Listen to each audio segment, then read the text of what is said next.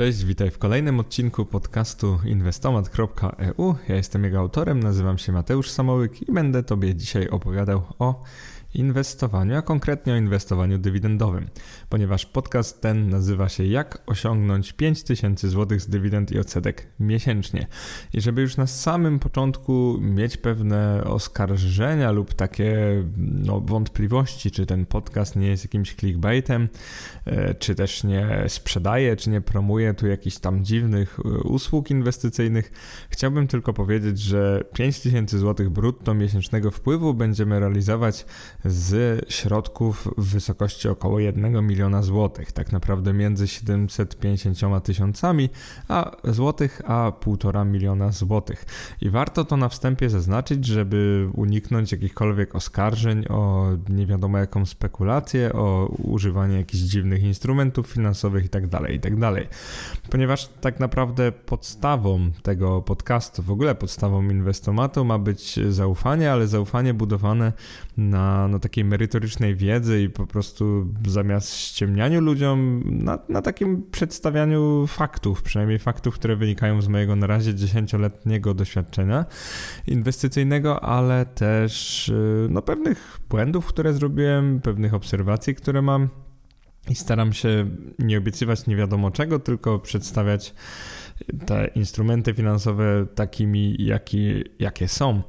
I właśnie w tym, jak osiągnąć 5000 zł z dywidend i odsetek miesięcznie, odpowiemy sobie dokładnie na to pytanie. Ten podcast będzie ustrukturyzowany tak, że zaczniemy w ogóle od opisu aktywów, które regularnie płacą no i tutaj oczywiście trzy kropeczki, czyli płacą odsetki i dywidendy. Czyli będziemy sobie mówić w ogóle o takich aktywach, które pasują do portfela rentierskiego, czyli takiego, z którego możemy czerpać częste i miejmy nadzieję wysokie wypłaty. Później powiemy sobie o kryteriach doboru aktywów do takiego portfela i tego rozdziału bym nie bagatelizował, on będzie bardzo istotny. Te trzy kryteria to według mnie oczekiwana stopa dywidendy, chyba najważniejsze, czyli to ile po prostu jesteśmy w stanie uzyskać z naszych aktywów. Drugie z nich to zmienność i ryzyko walutowe. Tak naprawdę to jest drugie i trzecie. Ryzyko walutowe wpływa oczywiście na zmienność, natomiast istotne jest to, żeby wartość tego portfela nie skakała za bardzo i żeby walutowo nie ryzykować zbyt wiele. I trzecim kryterium, według mnie przynajmniej, są częstotliwości wypłat dywidend i odsetek. No tutaj mogę tylko skomentować tyle, że niektóre aktywa wypłacają te dywidendy i odsetki raz do roku, inne dwa lub trzy razy do roku, lub oczywiście cztery, bo zwykle to jest co kwartał, czyli na przykład e, co roku, co pół roku, co kwartał, albo uwaga, uwaga, co miesiąc. Także są aktywa, które wypłacają dywidendy w każdym miesiącu. I teraz pytanie, jak bardzo jest to istotne, żebyśmy otrzymywali regularne dywidendy, a jak bardzo powinniśmy się skupić na innych kryteriach. Także ten drugi rozdział, rozdział, chociaż taki e, dość powiedziałbym teoretyczny, to będzie tam dużo, dużo takiego mięsa inwestycyjnego. Powiem Wam tak naprawdę jak każde z tych aktywów, które omówimy na początku, przedstawia się w każdej z tych kategorii. Także jeżeli jesteś inwestorem, inwestorką dywidendową, to naprawdę wiele możesz zaczerpnąć z tego, z tego podcastu, tak przynajmniej mi się wydaje, ponieważ opowiem tu, zrobię taki zrzut wiedzy, no zrzut prawie całej wiedzy, którą dotychczas nabyłem w, tym, w tej tematyce. No i na samym końcu trzeci rozdział to będą przykłady portfeli rentierskich, wariant wariancie pierwszym będziemy budować polski portfel dywidendowy, czyli oparty tylko i wyłącznie na polskich aktywach notowanych w złotówce. W wariancie drugim będziemy miksować sobie Polskę i zagranicę, także spróbujemy zrobić sobie taki miks wszystkiego. Zaś w wariancie trzecim wyjdziemy za granicę, głównie na akcje amerykańskie, ponieważ one, to, to z nich bardzo wiele spółek wypłaca dywidendy co miesiąc, więc postaramy się wybrać tylko za granicę, tak żeby wypłaty były jak najczęstsze i oczywiście jak najwyższe. Zobaczymy oczywiście, który wariant, jakie ma wady i zalety. Zobaczymy i ocenimy, jaka jest ta wysokość i częstotliwość dywidend. Nawet sobie to e, w artykule, który jest podlinkowany do tego podcastu, nawet zrobiłem takie symulacje, czyli możesz sobie włączyć każdy portfel i zobaczyć z jednego miliona złotych, jak często i jak wysokie, około oczywiście, dywidendy by on wypłacał. To jest taka ciekawostka, bo ta symulacja tak naprawdę wynika bardziej z mojego doświadczenia niż z jakichś tam twardych danych. Natomiast, e, tak jak mówię, prowadzę portfel dywidendowy, ten polski portfel dywidendowy od jakichś już dobrych, nie wiem, 6 lat, więc dokładnie widzę, jak często te spółki wypłacają dywidendy i w jakich miesiącach zazwyczaj. Więc jakby moja wiedza pozwoliła mi już na zrobienie czegoś takiego i powiedzmy, nie mam większego wstydu, żeby to Wam dzisiaj zaprezentować, bo uważam, że są te symulacje jakby wystarczająco rzeczywiste albo realistyczne. Zanim zaczniemy, chciałbym Was zaprosić do polubienia, ocenienia mojego podcastu na Apple Podcast czy na iTunes. Możecie to zrobić bardzo prosto, jeżeli już macie konto na iTunesach, po prostu wyszukujecie Inwestomat, no i tam macie mój podcast, możecie go wtedy ocenić na od 1 do 5 gwiazdek, możecie dać mu jakąś tam recenzję, więc jeżeli ten podcast Wam się przydaje w codziennym inwestowaniu, jeżeli Was na przykład e, nakłonił do tego inwestowania, jeżeli od lat no, kitraliście gdzieś środki na rachunkach, a teraz macie trochę więcej odwagi do inwestowania, trochę więcej wiedzy w tym temacie, no to oczywiście bardzo serdecznie prosiłbym Was o taką ocenę i taką recenzję, ponieważ znacznie zwiększa to moje zasięgi. To jest chyba najlepszy sposób, żeby mi w ogóle za darmo pomóc, Drugim z nich jest oczywiście polubienie mnie na Facebooku, dołączenie do naszej grupy, to tak samo Inwestomat.eu, także znajdziecie ją bardzo, bardzo prosto. No i oczywiście trzecim sposobem, żeby mi pomóc, to o tym pewnie mało osób się zastanawia, ale jeżeli słuchasz mojego podcastu, jeżeli masz jakieś uwagi, jeżeli masz jakieś przemyślenia, na przykład na nowe tematy albo co mógłbym robić lepiej, no to wal śmiało, napisz mi maila. Ten mail do mnie to jest inwestomat.inwestomat.eu, także bardzo prosty e-mail. Napisz mi po prostu, co sądzisz o, o tym, co robię. Nawet jak to będą jakieś e, kilka miłych słów, no to przecież nie ma problemu. Każdy, każdy lubi czasem poczytać czegoś miłego o, swo, o swojej twórczości. Jeszcze lepiej będzie, jak dasz mi właśnie jakąś konstruktywną krytykę. Przykładowo ostatnio dostałem kilka takich maili, że się wyrobiłem, jeśli chodzi o podcasty, także że język jest trochę bardziej poprawny, może głos jest trochę bardziej czysty, może coraz mniej robię takich przerywników typu wiecie mm, mm, i tak dalej. Także bardzo dziękuję za wszelkie tego typu komentarze i oczywiście te o najwyższej wartości dla mnie to, to, to są takie, w których dostaję jakieś, e, no właśnie jakiś taki feedback, jak to mówią z angielska, czyli konstruktywną krytykę, coś, co mógłbym jeszcze tam ulepszyć, czego brakuje i tak dalej, i tak dalej. Oczywiście możliwość dania takiego feedbacku będziecie mieli też przy okazji podcastu, wpisu rocznicowego na, dru na drugą rocznicę, tylko do niego jeszcze trzeba będzie trochę poczekać, bo do drugiej rocznicy mam w tej chwili jeszcze dokładnie dokładnie 6 miesięcy, także w tej chwili, gdy nagrywam ten y, podcast, blog istnieje od około półtora roku. Taka ciekawostka dla Ciebie. Podcast jeszcze krócej, także no dalej na tej scenie jestem dość raczkującym blogerem i podcastowcem. Ale wracamy do tematu, nie można tak długo uciekać od niego. Budowa i prowadzenie rozsądnego portfela dywidendowego.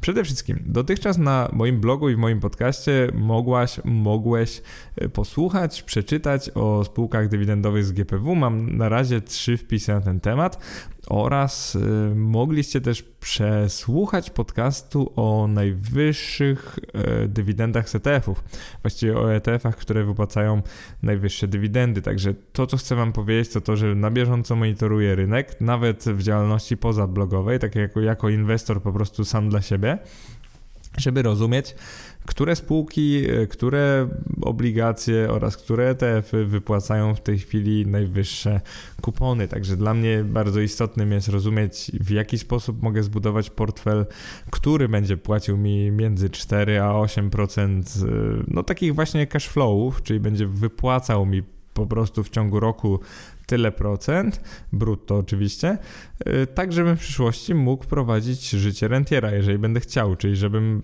no rentier się kojarzy trochę jak osoba na rencie, takiej zwłaszcza inwalidzkiej, ale to pojęcie rentier, którym będę operował w tym podcaście ma się tylko i wyłącznie do osoby, która chce żyć ze swojego kapitału, czyli po prostu wypłacać sobie taką rentę, powiedzmy wieczystą z uzbieranego kapitału. I tak naprawdę to jest clue tego rentiera, o którym dzisiaj będę mówił. Także rentier to jest nikt inny jak taki inwestor dywidendowy, skupiony na cashflowach, który w pewnym momencie swojego życia chciałby otrzymywać 5000 brutto miesięcznego wpływu z dywidend. Oczywiście postaramy się to tak zrobić, żeby te 5000 były w każdym miesiącu, natomiast praktyce mówię tutaj o średniej w ciągu roku i zwykle bardzo ciężko jest uzyskać, bardzo ciężko jest stworzyć taki portfel, który w przewidywalny sposób będzie nam wypłacał tyle samo co miesiąc. Także Pierwszy komentarz dla osób, które no, są takie zdeterminowane, żeby otrzymywać równe dywidendy co miesiąc, no to jest taki, że nie jest to takie łatwe. Tak naprawdę jest to bardzo trudne. I o samym inwestowaniu dywidendowym pojawiło się ostatnio w sieci bardzo wiele materiałów, zwłaszcza takich krytycznych, krytykanckich. Dla przykładu Ben Felix nagrał Irrelevance of Dividends, to jest ten słynny filmik na YouTubie, naprawdę setki tysięcy wyświetleń. Ogólnie spodobał się on ludziom, ponieważ Ben na tym w tym materiale przedstawia takie statystyki, że spółki dywidendowe gdzieś tam średnio nie są w ogóle lepsze od innych spółek, a nawet są w pewnym sensie gorsze, no bo wypłacając te dywidendy e, płaci się podatek, więc nawet się jakby traci, no i spółka wtedy tego nie reinwestuje, więc nie rośnie tak szybko jak inne spółki. E, nie będę się z Benem tutaj kłócił, ponieważ jakby nie jestem fanem tej argumentacji, no bo faktycznie no, wyciął on część spółek z całości spółek i powiedział, że ta część nie jest w ogóle lepsza. Tylko pamiętajcie w inwestowaniu dywidendowym, że tak jak w zwykłym inwestowaniu, tam się wybiera te najlepsze spółki, jeżeli mówimy o inwestowaniu aktywnym. Więc nie jest to tak, że bierzemy cały koszyk dywidendówek, więc to jest dość jasne, że jak weźmiemy jakiś zbiór X ze zbioru Y wszystkich spółek, no to cały zbiór X może być gorszy nawet od zbioru Y. Natomiast to, co chciałbym Benowi przypomnieć, no to fakt, że nie chcemy tutaj wybierać całego rynku spółek dywidendowych, natomiast te najlepsze z nich, przynajmniej postarajmy się to zrobić. E, Tomek Trela też z blogu Trading for a Living e, napisał taki wpis Mid Dywidendy. E, tam akurat przedstawione jest bardzo dużo dobrych argumentów w temacie spółek dywidendowych i myślę, że to jest w ogóle porównywalny wpis do tego Irrelevance of Dividends. Trochę, teza jest trochę podobna i właśnie chodzi o to, że spółki dywidendowe jakby w żadnym wypadku nie są lepsze od całości spółek. I tak naprawdę ja tym podcastem nie chciałbym ani Benowi, ani Tomkowi z blogu Trading for a Living rzucać rękawicy, ponieważ y, tak naprawdę no, no ciężko jest zaprzeczać faktom. Y, to, co przedstawili, to są fakty. Z nich jasno wynika, że spółki dywidendowe nie są lepsze od ogółu spółek notowanych na giełdzie i tak naprawdę moglibyśmy w tej chwili y, postawić tu kropkę, ponieważ nie nagrywam tego materiału dlatego, żeby zachęcić Was do inwestowania dywidendowego i tak przekłamać, powiedzieć, że są one w jakiś sposób lepsze od innych spółek. Nie. Według mnie w inwestowaniu dywidendowym, odsetkowym tak naprawdę chodzi o to, żeby a zmotywować się, ponieważ, no nie wiem, pewnie każdy z Was już teraz y, wie, co to znaczy otrzymać dywidendę y, i pewnie wiecie, co to znaczy otrzymać pierwszą taką, nie wiem, dywidendę w wysokości 1000 zł. Naprawdę y, potrafi to uskrzydlić początkującego inwestora, który zamiast tego, że widzi numerek na rachunku, nagle zaczyna otrzymywać z tego numerka regularne wypłaty. Wyobraźcie sobie, że w tej chwili, jak to nagrywam w roku 2021, właśnie jest to taki mój mój jubileusz, dziesiąty rok inwestowania, bo zacząłem w 2011, ale mam pewne spółki już od przynajmniej 7-8 e, lat i wyobraźcie sobie, jakie to jest uczucie, jak spółka spłaciła się z samych dywidend już, a mam, mam w ogóle tak szczerze dwie takie spółki, że z samych wypłacanych dywidend one już spłaciły tą początkową wartość, którą oczywiście lata temu zainwestowałem. No i teraz tak, no ci bardziej czepialscy powiedzą tak, Mateusz, ale była inflacja, więc oczywiście 100 zł włożone 8 lat temu to jest tak jak dzisiaj na przykład 130, czy nawet 140 i jakby kupuję tę argumentację. Natomiast ja zwykle staram się upraszczać tą kwestię inwestowania, a nie ją utrudniać, więc nominalnie spłaciły się, więc dla mnie jest to ogromna no, motywacja. Mam teraz za darmo takie wehikuły, które e, wypłacają mi kolejne dywidendy i stale one są bardzo wysokie. Wobec tego, co wpłaciłem, tak naprawdę spokojnie uzyskuję 13-14% brutto rocznie.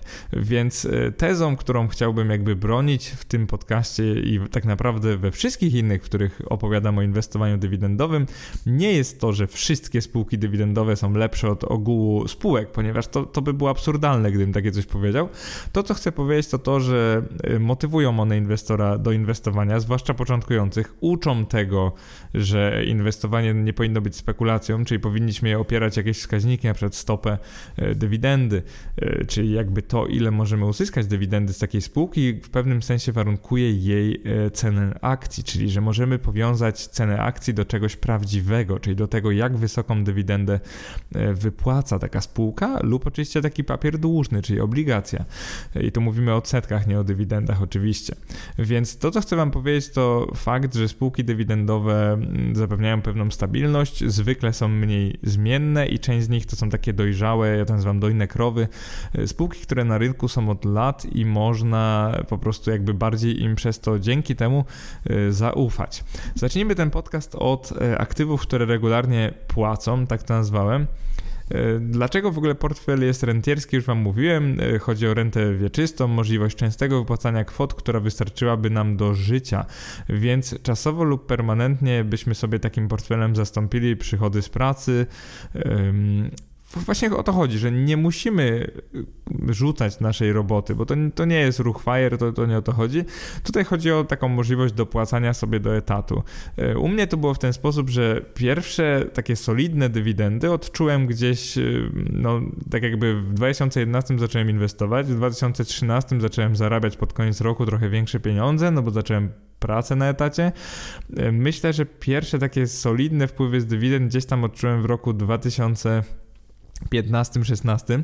Nie pamiętam dokładnie momentu, ale, ale wiem, że to się zaczęło tak uśredniać gdzieś na tysiącu około złotych miesięcznie i samo to naprawdę dodało mi skrzydeł w inwestowaniu, zmotywowało do niego jeszcze bardziej, zmotywowało do tego, żeby walczyć o wyższą wypłatę.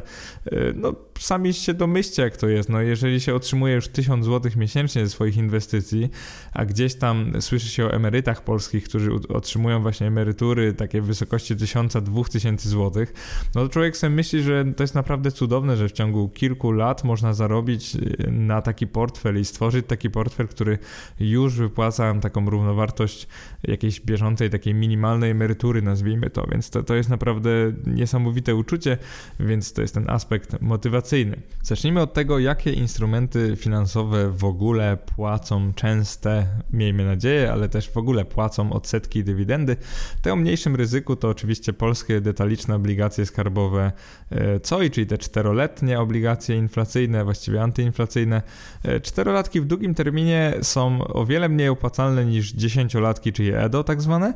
Natomiast opisuję tylko czterolatki, ponieważ one same wypłacają, czyli co roku one wypłacają kupony odsetki, a nie je akumulują. Także to jest bardzo istotne, że tutaj wybieramy tylko instrumenty, które faktycznie wypłacają te dywidendy. Drugą z tych kategorii o mniejszym ryzyku, powiedziałbym, to są polskie obligacje korporacyjne. Oczywiście to jest bardzo szeroka kategoria mniej lub bardziej ryzykownych instrumentów. Tak było sporo bankructw na rynku Catalyst.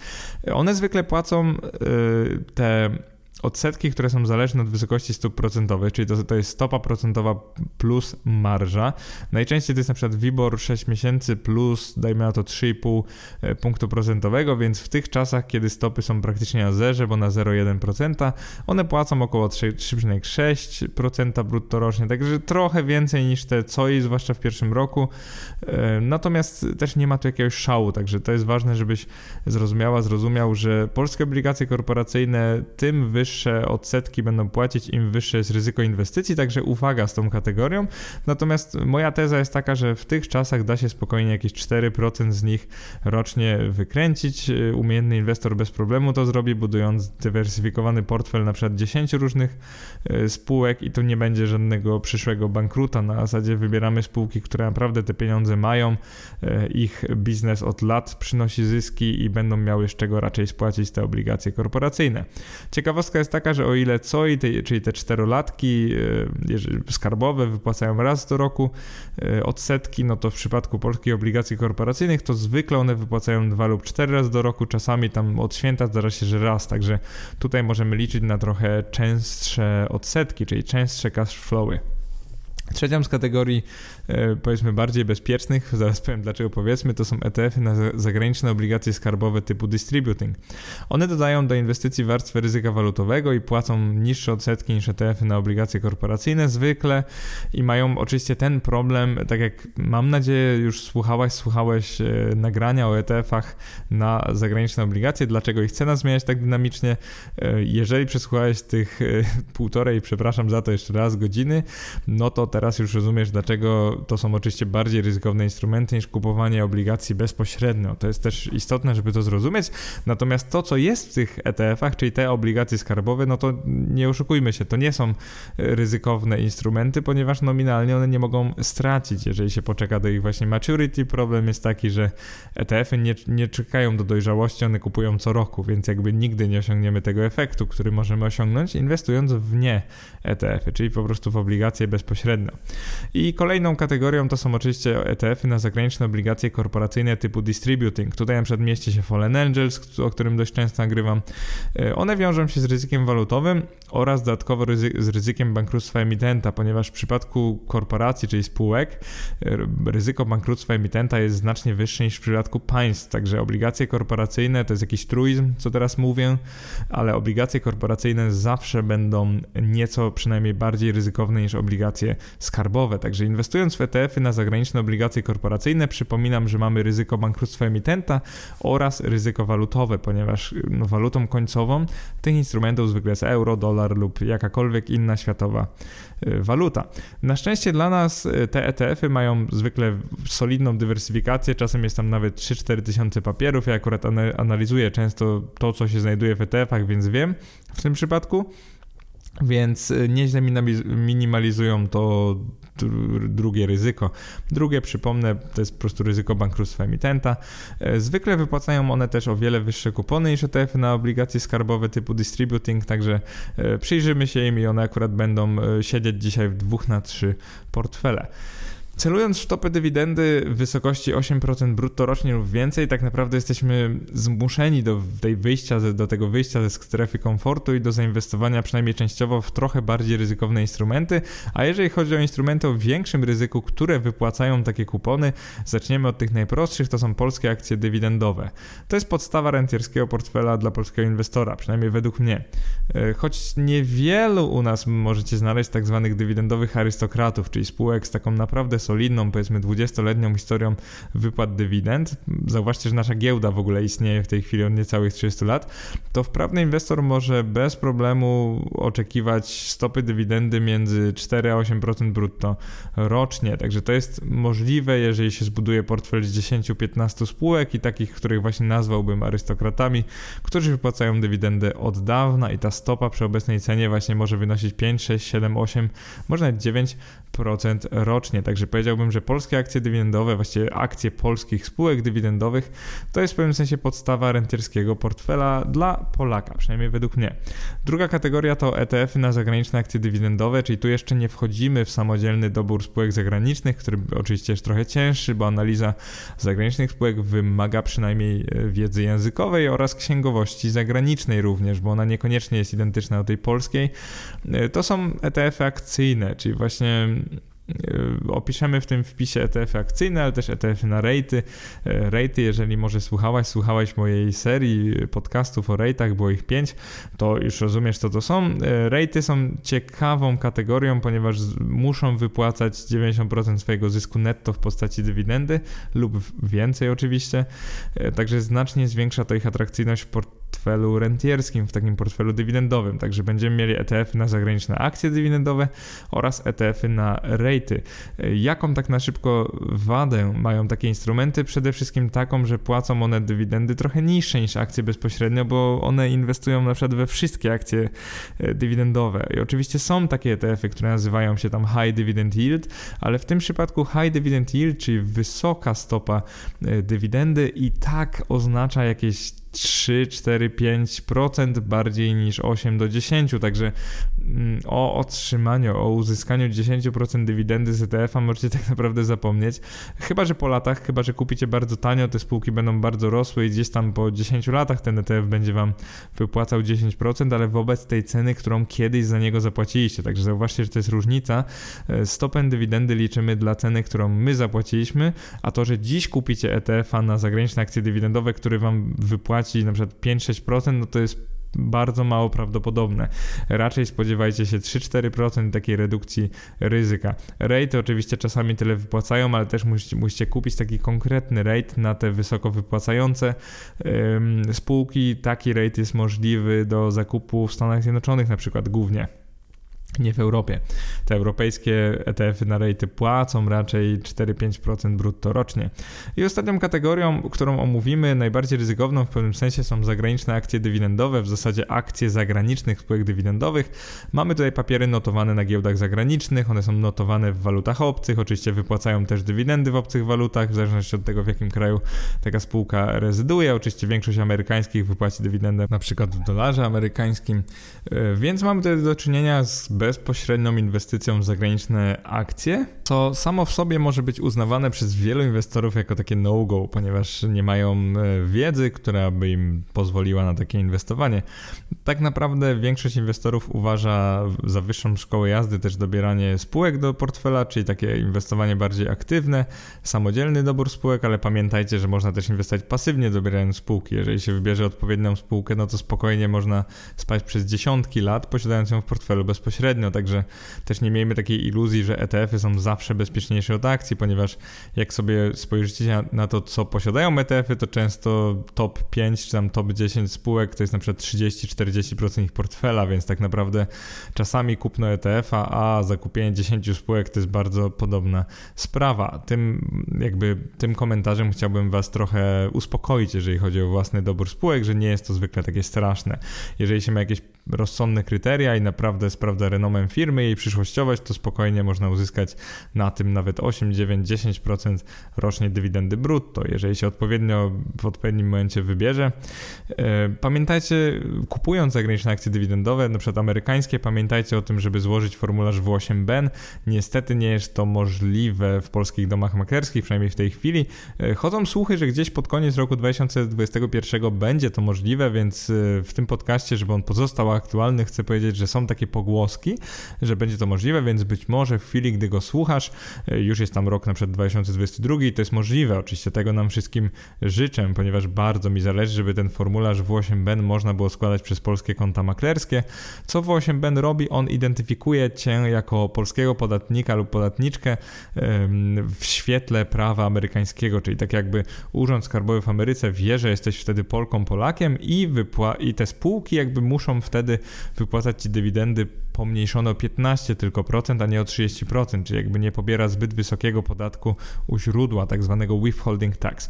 Także dzięki temu można naprawdę fajnie wzbogacić swój portfel rentierski e, samodzielnie wybranymi akcjami zagranicznymi. Oczywiście ich subkategorią są rejty, podobnie jak ETF-y na rejty, to jest tylko podkategoria. Rejty to są e, spółki, więc oczywiście akcje spółek, e, do nich też należą akcje rejtów. Więc w wielkim uproszczeniu im bardziej bezpieczne, czyli mniej zmienne instrumenty finansowe wybierzemy, tym zazwyczaj niższych odsetek i dywidend możemy oczekiwać od swoich portfeli dywidendowych. Więc y, to, jak osiągnąć 5000 zł z dywidend i odsetek, to na to pozostaje nam jeszcze chwilę poczekać, ponieważ drugi rozdział tego podcastu to kryteria doboru aktywów do portfela dywidendowego. I dlaczego uważam, że każdy z nich jest bardzo ważny? Zacznijmy od oczekiwanej stopy dywidendy. Dlaczego ona jest ważna? Przede wszystkim no, nie kupujemy instrumentów e, wypłacających, czyli generujących cash flowy, po to, żeby one generowały niskie cashflowy. To by było kompletnie no, bezproduktywne, więc zależy nam na tym, żeby cashflowy były jak największe. Jeżeli chodzi o zmienność ryzyko walutowe, no to z drugiej strony chcemy większych cashflowów, ale nie chcemy jako dywidendowcy, żeby nasz portfel tak majtał się o 40-50% rocznie. Nie o to nam chodzi. Jeżeli wtedy jesteś na jakimś forum inwestycyjnym i czytasz, e, posiadając portfel dywidendowy, jeżeli czytasz wypowiedzi innych inwestorów mówiące o tym, że no poniżej 50% rocznie to ja w ogóle nie chcę zarabiać, to jest jakaś żenada, tam bitcoin to tam 100% rocznie i tak dalej, i tak dalej, no to zapomnij o tym. E, nie po to to robimy. Jesteśmy tutaj konserwatystami. Tak jakbyśmy w inwestowaniu byli konserwatywni, chcemy budować rozsądny portfel, mieć takie prawdziwe aktywa, czyli papiery prawdziwych firm, które od lat udowadniają, że wypłacają wysokie dywidendy, wysokie odsetki. Oczywiście wysokie generujemy tym, że kupujemy je po odpowiednich cenach, więc staramy się kupować po jakichś tam spadkach, w jakichś tam lokalnych mini kryzysikach, no to wtedy uzyskujemy z takiego portfela największe cashflowy. No i to czwarte właściwie kryterium, częstotliwość wypłaty dywidend jest bardzo często pomijana. Wydaje mi się, że o niej się w ogóle nie mówi i wydaje mi się, że jakoś tak się nie myśli o tym, czyli po prostu kupuje się spółki i nie patrzy się na to, kiedy i jak często wypłacają one dywidendy, E, tutaj jedno zastrzeżenie, że nie zbudujecie prawdziwego portfela rentierskiego, e, opierając się na czymś, co nie wypłaca dywidend wystarczająco często. No i taka sugestia, że na przykład jakbyście budowali z jakichś ETF-ów, które wypłacają co kwartał dywidendy, to jeżeli sobie odpowiednio przesuniecie w czasie te ETF-y, czyli na przykład będą trzy ETF-y e, wypłacające co trzy miesiące dywidendy, ale sobie przesuniecie, kopniecie w czasie, czyli wybierzecie takie, które na przykład jedna wypłaca w styczniu, w kwietniu, w lipcu i tak dalej, druga w lutym, w maju, w sierpniu i tak dalej, i tak dalej, i tak dalej. Po prostu kopniecie sobie ten kalendarz, e, nie w sensie oczywiście kopnięcia kalendarza, tylko kopniecie kalendarz wypłat ETF-ów. E, możecie spokojnie uzyskać takie solidne naprawdę dywidendy co miesiąc. Także ciekawostka jest taka, że myślcie też o tym, że nie musicie mieć instrumentów, które płacą co miesiąc, żeby uzyskać wypłaty co miesięcznie, ale do tego jeszcze wrócimy. E, wróćmy do naszych instrumentów i do tego, jaka jest oczekiwana stopa dywidendy odsetek rocznie brutto z każdej z tych kategorii. W tej chwili polskie obligacje detaliczne COI płacą około 2-3% rocznie w uśrednieniu, ponieważ ten pierwszy rok jest trochę gorszy, natomiast później płacą jakąś tam małą marżę plus inflację, CPI. Jak już teraz mamy wysoką inflację, to możemy spodziewać się więcej z nich. Natomiast jak tylko ta inflacja wróci do jakichś niższych poziomów, to myślę 2-3% rocznie brutto to jest takie gdzieś tam realistyczne założenie, że one tyle będą wypłacać. Polskie obligacje korporacyjne w tych czasach 3-4% brutto, także wiele z Was zada sobie pytanie, czy w ogóle warto się w to bawić, jeżeli wypłacają tylko 1 punkt procentowy więcej od obligacji skarbowych, ale tę decyzję pozostawiam Wam. Jeżeli chodzi o ETF-y na zagraniczne obligacje skarbowe, no to poza ryzykiem walutowym mamy tutaj na rynki rozwinięte jakieś 0,5%, no 1% to jest maksimum powiedziałbym. Natomiast na rynki wschodzące jakieś 2,5 do 5% spokojnie można uzyskać wypłat z takich ETF-ów. E, ponieważ, no co tu dużo mówić, e, waluty, stopy procentowe w państwach wschodzących, na rynkach wschodzących, weźmy, nie wiem, Indonezję, Tajlandię, e, Turcję, czy tam, nie wiem, inny rynek, Argentynę, no Polska nawet tu się wlicza wobec, według niektórych, powiedzmy, standardów nomenklatur. Mm, to, co chcę powiedzieć, to to, że oczywiście ryzykujemy bardziej, ponieważ takie państwa bankrutują częściej, więc realnie możemy stracić część naszych środków, ale z drugiej strony te wypłaty są dużo solidniejsze, także ten ETF na obligacje skarbowe zagraniczne spokojnie może płacić nam jakieś 4-5% rocznie brutto dywidend. Oczywiście mówimy o ETF-ie typu distributing. Dalej mamy ETF na zagraniczne obligacje korporacyjne. On oczywiście płaci, jeżeli bierzemy bezpieczne obligacje, jakieś 1,5-2,5% rocznie. Tyle możemy oczekiwać oczekiwać dywidend z takiego portfela, z takiego ETF-a mam na myśli. Natomiast jeżeli to są na przykład Fallen Angels, jakieś obligacje niższej jakości, takie tak zwany high yield, no to spokojnie możemy oczekiwać 3, 4, 5, nawet 5,5% rocznie brutto z takiego ETF-a. Polskie akcje dywidendowe, zależy jakie wybierzemy, od 2 do 8% brutto rocznie, powiedziałbym, to jest taki standard w tych czasach, czyli w roku 2021. Pewnie średnia byłaby jakieś 4%. Jeżeli wybierzemy te o trochę wyższym ryzyku, spokojnie możemy mieć 7-8% 8% rocznie brutto i to właśnie nimi ja sobie powiększam dywidendy mojego portfela. Dalej mamy ETF na zagraniczne akcje dywidendowe. 1,5 do 2,5% rocznie to są rynki rozwinięte. Myślę, że 1,5 jest takie bardziej realistyczne. Rynki wschodzące, tu jest ten ETF IEDY na przykład, e, czy tam EUNY, e, SEDY też, on ma ticker. E, on wypłaca jakieś 3, 4 lub 5%, zależy po jakiej cenie go oczywiście kupiłaś, kupiłeś. No ale takie 4-5% rocznie brutto spokojnie można uzyskać. Dalej mamy ETF-y na rejty, one też płacą wszystko w przedziale 3-7% rocznie brutto brutto. Mówię tutaj oczywiście też o ETF-ach amerykańskich, bo te europejskie tutaj nie płacą aż tyle. ETF, -y, później mamy bezpośredni wybór zagranicznych akcji dywidendowych, y, czy tam spółek dywidendowych. Tu jest bardzo podobnie do polskich akcji, czyli możemy mieć 1% jak kupimy takiego drugiego giganta, który wypłaca dywidendy od lata, możemy mieć 8% jak kupujemy spółeczkę, która dopiero co rośnie i zaczęła wypłacać wysokie dywidendy.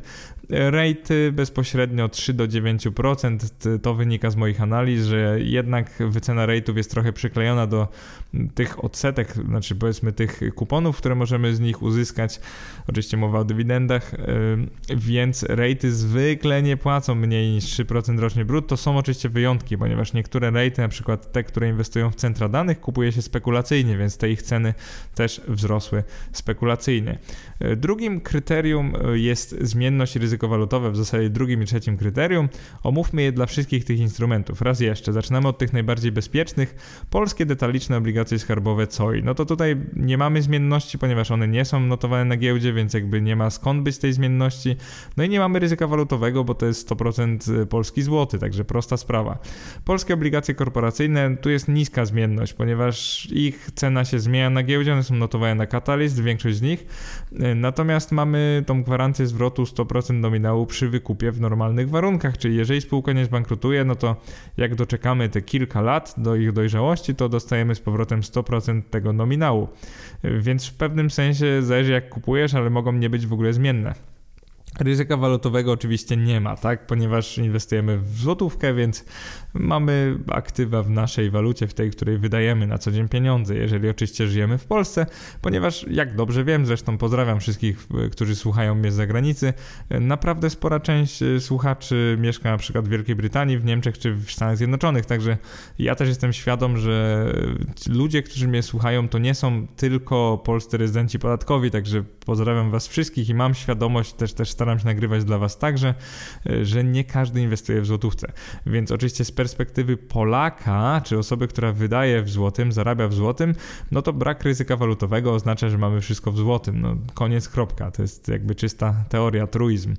Kolejna kategoria z tych jeszcze bezpieczniejszych ETF-y na zagraniczne obligacje skarbowe, one mają akurat średnią wysoką zmienność, czyli nie są takie bezpieczne, bo jak tylko stopy procentowe się ruszą, jak tylko rentowność obligacji skarbowych skoczy lub e, zmaleje, no to oczywiście i cena jednostki takiego ETF-a się bardzo zmienia. Jeżeli chodzi o ryzyko walutowe, jest tu często umiarkowane, ponieważ mamy do czynienia z globalnymi ETF-ami na obligacje skarbowe różnych krajów, co oczywiście zmniejsza ryzyko walutowe, mamy więcej walut. Często to nazywam, że waluty są bardziej roz rozsmarowane. Kolejną kategorią jeszcze z tych cudzysłów bezpieczniejszych to są ETF-y na zagraniczne obligacje korporacyjne. Tu mamy średnią zmienność, no bo co ja będę ukrywał, jak jest kryzys, to ludzie się boją i uciekają z papierów dłużnych e, spółek, także średnia zmienność to znaczy, że spokojnie można znaleźć takie momenty, kiedy te, te ETF-y spadały o 20 nawet procent albo więcej. Ryzyko walutowe jest umiarkowane, ponieważ ETF-y na zagraniczne obligacje korporacyjne to jest zwykle przynajmniej kilka krajów, więc przynajmniej kilka walut. Z tych mniej bezpiecznych e, instrumentów polskie akcje dywidendowe, no wysoka zmienność jak wszystkich akcji, no oraz brak ryzyka walutowego, więc mamy tylko tą płaszczyznę zmienności. Jak weźmiemy sobie teraz akcje zagraniczne, to mamy wys wysoką zmienność, wysokie ryzyko walutowe i chyba nie muszę tłumaczyć dlaczego. Rate oczywiście też mają wysoką zmienność i wysokie ryzyko walutowe. I tak naprawdę te dwa parametry parametry tyczą się każdego inwestowania bezpośredniego w zagraniczne aktywa. Jeżeli chodzi o inwestowanie pośrednie w zagraniczne aktywa, czyli ETF-y na zagraniczne akcje dywidendowe, no to mamy wysoką zmienność cen, i umiarkowane ryzyko walutowe, bo często one rozsmarowują po wielu rynkach, także wyobraźcie sobie, że to, co sprawia, że ryzyko walutowe jest umiarkowane, to jest na przykład 3000 papierów, czy papiery 3000 różnych spółek rozsmarowanych po całym świecie, co oczywiście sprawia, że nie ryzykujemy wobec jednej waluty, a wobec wielu walut, co jakby pomaga inwestorowi spać spokojnie, bo mamy wtedy udział w całej tej światowej ekonomii, gospodarce, a nie tylko w sukcesie jednego kraju, więc no po prostu wyobraźcie sobie, że macie wszystko w akcjach z USA, to jest oczywiste, że jeżeli w Stanach coś się będzie bardzo źle działo, no to z waszym portfelem inwestycyjnym też, ponieważ kapitał będzie uciekał na te rynki, gdzie się dzieje po prostu lepiej. E, no to było na tyle, jeżeli chodzi o zmienność ryzyko walutowe, tu chyba nie ma co się rozdrabniać. Jeżeli chodzi o częstotliwość wypłaty dywidend i odsetek, to może być dla Was e, jeden z tych ciekawszych momentów w tym podcaście, więc będę mówił e, trochę wolniej i spokojniej. W zależności od instrumentów finansowych, które wybierzecie, możecie oczekiwać wypłat na przykład raz, dwa, cztery lub dwanaście razy do roku.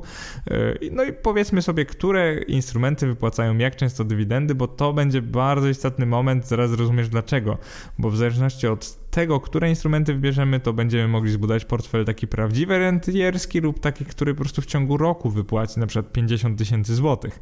A to jest bardzo istotna różnica, ponieważ jeżeli w grudniu otrzymujemy 20 tysięcy, a przez resztę roku łącznie 30, no to nie jest to portfel rentierski, bo będzie dość ciężko z niego no, żyć tak co miesiąc. I oczywiście możemy wtedy zostawić sobie to 20 czy na jakąś lokatę i jakoś dalej wypłacać, ale to już jest kombinowanie. A w rentierskim inwestowaniu chodzi o to, żeby życie sobie upraszczać, a nie komplikować przede wszystkim. E, zacznijmy znowu od tych bezpiecznych. Polskie obligacje skarbowe detaliczne, raz do roku, prosta sprawa. 12 miesięcy po tym, jak się je kupi, w przykładach będzie to grudzień, bo ja tam założę, że zbudowałem portfel w styczniu, ale już mniejsza o to, raz do roku po prostu. Polskie obligacje korporacyjne, dwa lub cztery razy do roku zwykle, bardzo rzadko 12 razy do roku, to się prawie nie zdarza, jest dosłownie kilka takich emisji, one chyba nawet nie są notowane na Catalyst. Także polskie korpo obligacje zwykle dwa lub cztery razy, w zależności od papierów. Jeżeli o moje chodzi, to one tak pół na pół. Niektóre wypłacają dwa, inne cztery razy. Mi to nie robi wielkiej różnicy, ponieważ ja nie żyję z tych odsetek. ETF-y na zagraniczne obligacje skarbowe. Zwykle dwa lub cztery razy do roku jest kilka takich ETF-ów, które wypłacają je 12 razy do roku. E, tutaj przykładem, jako że chcę, żeby ten podcast był pomocny, przykładem jest ten właśnie ETF na obligacje skarbowe e, Emerging Markets. E, nie pamiętam teraz tickera, ale gdzieś tam o nim na pewno już pisałem, więc znajdziesz go dość prosto, nawet na moim Facebooku, bo kiedyś dałem taki drobny pościg o tym ETF-ie, jako taką ciekawostkę, że są takie ETF-y na obligacje skarbowe. Jeżeli chodzi o ETF-y na zagraniczne obligacje korporacyjne, najczęściej dwa lub cztery razy do roku możemy spodziewać się dywidendy z nich. Polskie akcje dywidendowe zwykle raz do roku. Jest, myślę, że w tej chwili chyba jest jedna spółka, która wypłaca cztery razy do roku, to jest i firma.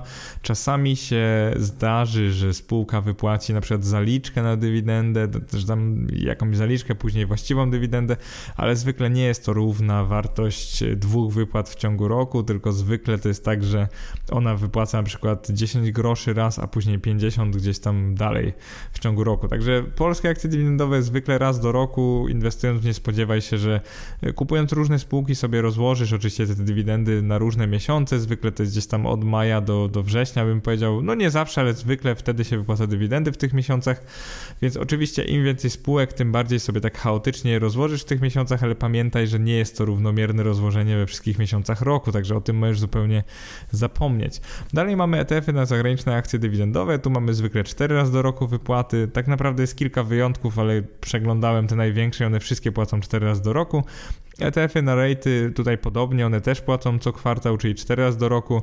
Tak jak wcześniej mówiłem, jeżeli odpowiednio sobie tak kopniesz, przesuniesz w czasie yy, i nie mówię o zakupie tych ETF-ów, bo oczywiście zakup nic nie daje. Chodzi mi o to, żebyś e, wybierała, wybierał takie papiery, które wypłacają w danych miesiącach, a inne papiery, które wypłacają w innych miesiącach. Tak prosto rzecz ujmując. Jak sobie na przykład na Just ETF yy, e, sprawdzisz, jakie są miesiące wypłaty dywidend lub, lub nawet na stronie na przykład iSharesów, to zobaczysz, że dość łatwo można ułożyć sobie portfele tak, żeby płaciły w różnych miesiącach roku. Także nie musicie kupować czegoś, co wypłaca 12 razy w roku, możecie kupić coś, co wypłaca 4 razy. Po prostu przesuńcie sobie te wypłaty, żeby one wypłacały w innych miesiącach i macie prosty portfel rentierski. Dalej mamy zagraniczne akcje dywidendowe i oczywiście około 50 spółek z USA. W tym momencie, kiedy to nagrywam, czyli w roku 2021, wypłaca dywidendy 12 razy w roku, także naprawdę często, co miesiąc. 50 spółek to jest dość sporo, jednak jak na ich parkiet, no to już nie jest tak sporo. E, zwykle one wypłacają dywidendy 4 razy do roku, także kultura dywidend w Stanach Zjednoczonych jest zupełnie inna niż u nas mm, i tam inwestorzy spodziewają się wypłat kilka razy w roku. U nas, no niestety, my się niczego nie spodziewamy, ponieważ w ogóle kultury dywidend jeszcze u nas nie ma. Natomiast ja się staram gdzieś tam krzewić takie podejście, że nawet w Polsce da się zbudować portfel taki, takich stabilnych dywidend, przynajmniej tych kilkunastu spółek, które już od ponad 10 lat wypłacają. E, u nas jest to raz do roku, w Stanach to jest zwykle 4 razy do roku. Także takim podstawowym budulcem portfela, który będzie wypłacał często dywidendy, czyli portfela trzeciego, będą właśnie spółki ze Stanów Zjednoczonych, tak mówiąc zupełnie szczerze. Rejty wypłacają dywidendy. Przypominam, rejty to jest subkategoria spółek, zwykle 4 lub 12 razy do roku. Także 12 też się zdarza. Rejty to jest po prostu podkategoria innych spółek, więc tutaj się e, nie spodziewajmy, no nie wiadomo czego.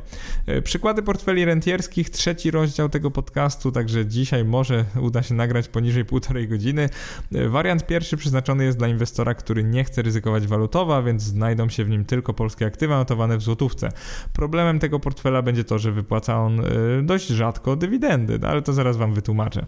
Wariant drugi posiada miks różnych aktywów, y, więc on nie będzie wygrywał w żadnej w kategorii, ale też nie będzie w niczym najgorszy. To jest taki, y, powiedzmy, niektórzy nazywają zgniły, ale to jest taki kompromis w tym wszystkim. Wariant trzeci skoncentrowany będzie na amerykańskich aktywach, które wypłacają częste dywidendy. Amerykańskich lub innych zagranicznych, bo to nie jest powiedziane, że to muszą być amerykańskie akcje, mogą to być akcje z Wielkiej Brytanii spółek oraz nawet jakieś azjatyckie. Po prostu głównym celem jest to zbudowanie sobie takiego etatu z instrumentów finansowych, czyli chcemy mieć przede wszystkim regularne wypłaty. To jest bardzo istotne, bo wiele osób pomija w ogóle ten aspekt, więc ja tutaj chciałbym zadedykować jemu e, ten przykład portfela, właśnie wariant trzeci. Nazwałem go nawet tylko zagranica i częste wypłaty. E, no ale oczywiście będziemy mieli plusy i minusy każdego z portfeli. No i pierwszy portfel, e, polski portfel dywidendowy, jego plusem jest na przykład to, że wystarczy nam konto maklerskie z dostępem do GPW i Catalyst, czyli do polskich giełd, także nie musimy mieć nawet polskich jakichś tam rynków zagranicznych. Mamy tutaj po prostu polskie akcje, polskie obligacje korporacyjne i polskie obligacje skarbowe. Proporcje portfela są bardzo proste. 50% polskich akcji dywidendowych, rozkładamy je na jakieś 10-15 spółek w założeniu. 25% polskich obligacji korporacyjnych, znowu rozkładamy to na 10 spółek, najlepiej różnych papierów dłużnych i później mamy polskie detaliczne obligacje skarbowe COI, to jest też 25%. Po prostu kupujemy czterolatki, żeby czymś takim bezpieczniejszym doważyć ten portfel. Także proporcja jest 50 na 50 akcji obligacji, natomiast 25% obligacji korporacyjnych, 25% obligacji skarbowych. I można by o tym portfelu mówić naprawdę wiele, ale ocenimy go najpierw pod względem tych czterech kryteriów. Wysokość wypłat tutaj dałem 6 na 10, także wypłaty będą dość solidne. Zmienność tutaj oceniłem go na 5 na 10. Akurat im wyżej, tym lepiej, tak oceniam.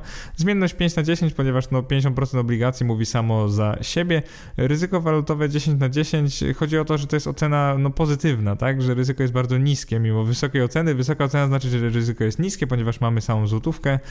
Tutaj można polemizować, bo rozsądny inwestor, taki świadomy inwestowania światowego powie, że sama złotówka to jest ogromny home bias tak zwany oraz ogromne ryzyko walutowe. Jest w tym pewna mądrość, że warto mieć trochę walut obcych, natomiast ja muszę być obiektywny, jeżeli wydajemy w złotówce, no to nie mamy ryzyka walutowego, jeżeli dostajemy kupon w złotówce. No koniec, kropka. Tutaj ciężko z tym dyskutować.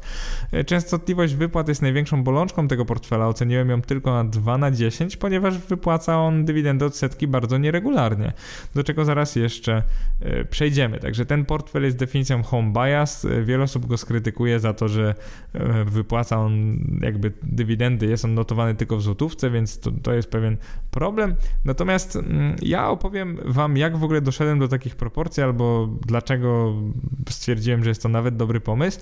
Ja jestem fanem specjalizacji inwestycyjnej, czyli jeżeli chcesz wybrać 15 dobrych spółek dywidendowych, 10 dobrych obligacji korporacyjnych na polskim rynku, to nie jest tak, że musisz opanować magię i czarodziejstwo i znać się na inwestowaniu od, wiesz, dziesiątek lat tak nie jest. Tak naprawdę, jak chcesz się wyspecjalizować, to w kilka miesięcy opanujesz y, analizę właśnie takich polskich spółek dywidendowych na tyle dobrze, że będziesz to robić prawie że profesjonalnie.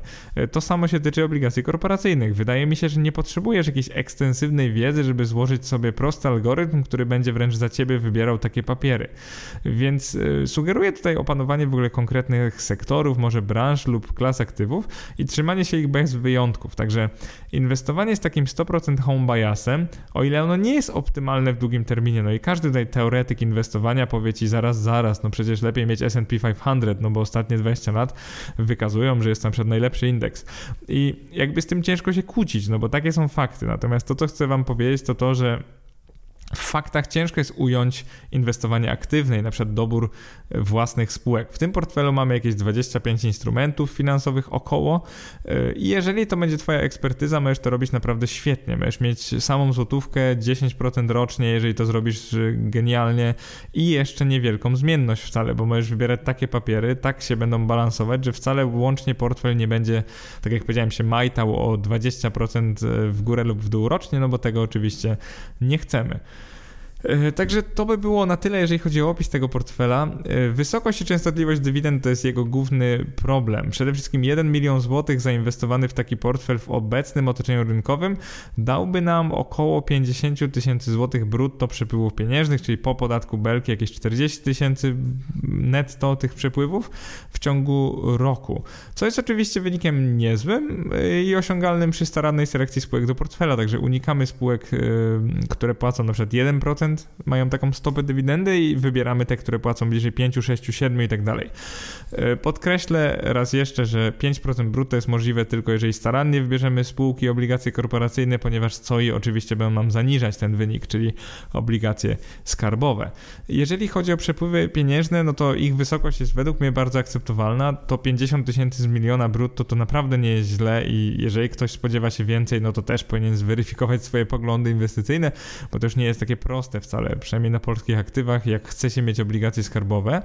E, problemem tych przepływów jest e, ich nieregularność. Przykładowo zbudowałem sobie taki, e, można powiedzieć, mock-up, tak, taką kukłę inwestycyjną z takich aktywów i wyszło mi, że w styczniu, w lutym nie dostałbym ani złotówki, w marcu 4000 zł, w kwietniu 2000, w maju 3000, później w czerwcu zaczynają się dywidendy, więc 8000, w lipcu 6000, w sierpniu też 6000 i później kolejne miesiące 5000, 2000, 1000 i uwaga, uwaga, na końcu roku 13 tysięcy złotych.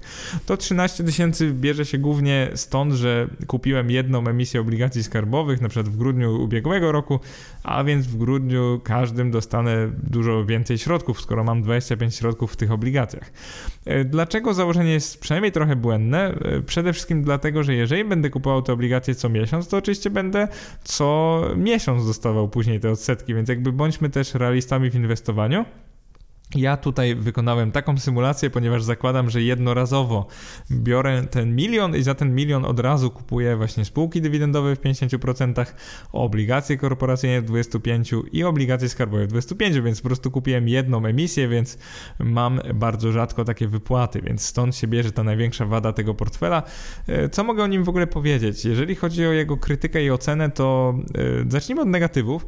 Przede wszystkim mamy 100% home bias, czyli mamy same aktywa polskie. Z jednej strony nie mamy tutaj ryzyka kursów walutowych, także bo nie ma tu walut obcych, po prostu mamy tu złotówkę, a z drugiej strony mamy ogromne ryzyko walutowe, że koncentrujemy się tylko na polskim złotym i naszej gospodarce, więc jakby na dłuższą metę jest to raczej nierozsądne. E, druga wada, taka spora całkiem, to jest to, że wariant pierwszy wymaga samodzielnego doboru akcji i obligacji korporacyjnych, co wymaga oczywiście czasu, uwagi i umiejętności, także nie jest to portfel ETF-owy, e, tak wysokie dywidendy osiągniemy właściwie tylko dobierając spółki oraz y, obligacje spółek samemu. Więc 5% brutto rocznie lub 6% lub więcej musimy zbudować samemu i umiejętnie, więc to jest też, no akurat czy posiadanie umiejętności albo posiąście ich musi być koniecznie wadą, to jest inna kwestia. No chodzi o to, że to wymaga czasu, dlatego dałem to do wad. Trzecia wada to jest to, że on ma bardzo nieregularny rozkład przepływów pieniężnych, więc przypasuje tylko osobie, która nie musi otrzymywać tych rent co miesiąc w każdym miesiącu. Także istotne jest to, żeby zrozumieć, że wybierając te polskie aktywa możemy się spodziewać raczej mniejszej regularności. Jedyny portfel, który miałby tutaj sens ewentualnie to są same obligacje korporacyjne, przesunąć je sobie co miesiąc i wtedy możemy spokojnie mieć takie przepływy w każdym miesiącu, jeżeli to sobie mądrze poustawiamy. Y, portfel pierwszy, ten wariant pierwszy ma dużo zalet moim zdaniem i właśnie pierwszą z nich jest to, że wymaga on jedynie polskiego konta maklerskiego, czyli inwestujemy tylko na GPW i Catalyst, więc nie potrzebujemy dostępu do rynków zagranicznych. To jest naprawdę duży plus, przynajmniej dla niektórych. Y, druga sprawa to to, że wariant pierwszy zapewnia niskie prowizje od zakupu, ponieważ zwyczajowo na rynku polskim jak kupujemy jakąś spółkę lub papiery dłużne, no to próg wejścia wynosi od 1000 do 2000 zł, żeby nie przepłacać prowizji transakcyjnych, a przypominam Przypominam, że w przypadku giełd zagranicznych jest to zwykle 6, tam 10 tysięcy złotych około za jedną transakcję, także jakby taniej można go budować, żeby nie przepłacać prowizji, co według mnie jest za, zaletą. Trzecią zaletą jest to, że wariant pierwszy przedstawia brak ryzyka walutowego. Tak jak mówiłem, że to jest i wada i zaleta, no bo mamy home bias, ale z drugiej strony nie mamy ryzyka walutowego wobec y, polskiego złotego, także inwestujemy w naszej walucie, w walucie, której żyjemy, zarabiamy i wydajemy, więc to ma jakiś tam sens. Jedna sprawa, no zupełnie inna sprawa jest, czy cały portfel trzymać w tej walucie, natomiast y, obiektywną zaletą tego portfela jest to, że nie mamy tu ryzyka walutowego. Koniec Kropka.